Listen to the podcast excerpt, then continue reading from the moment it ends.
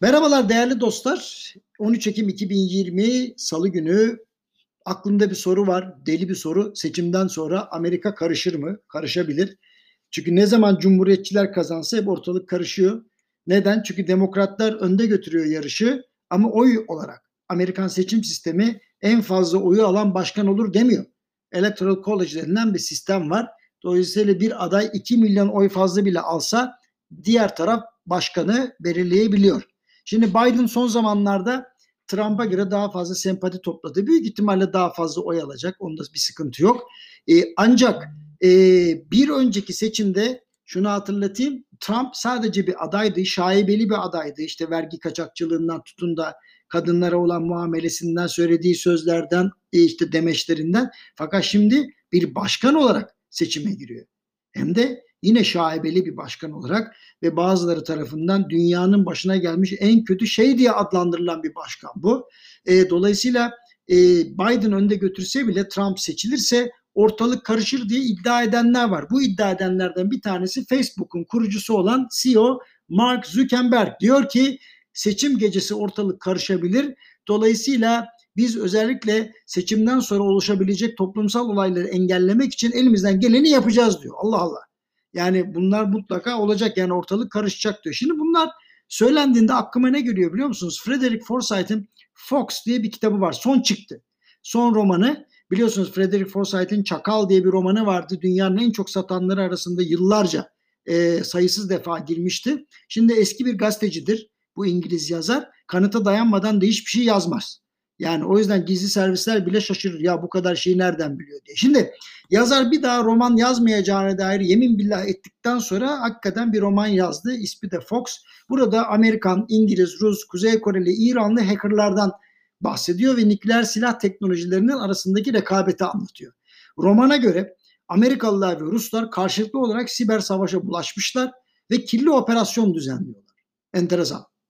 Bu arada Kuzey Kore ve İran'ın nükleer silahlardan arınma anlaşmalarını nasıl hiçe saydıklarını anlatıyor. İngiltere ve İsrail ile beraber kendi menfaatlerini nasıl ilgilendiren yerlerde müdahale ettiklerini bazı şeylerde de sırtlarına döndüklerini anlatıyor. Anlaşılan e, bu siber saldırı hadiselerinde dijital şirketlerin istihbarat servislerine de büyük desteği var. Ben demiyorum. Frederick Forsyth söylüyor. Şimdi e, Amerikan eski e, ulusal güvenlik danışmanı John Bolton'un bir kitabı var. Trump'ı yermek için yazmış bu kitabı.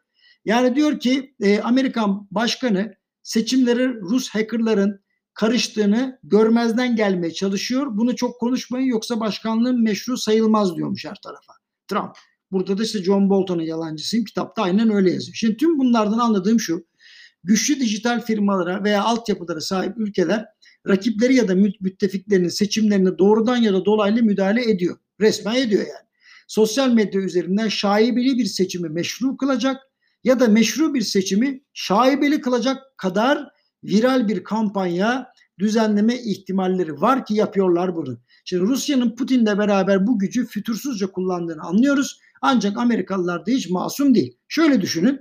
Cep telefonlarını mecburen yüklediğiniz her update ile pil gücünün azalmasını sağlayanlar ya da yeni modellerin satın alınması için eski modellerin fotoğraf çekme kabiliyetlerini yine bu update'lerle oynayanlar kim bilir neler yapmaz. Bir kere ahlaktan çıkıldı mı arkasından her türlü maraz gelir.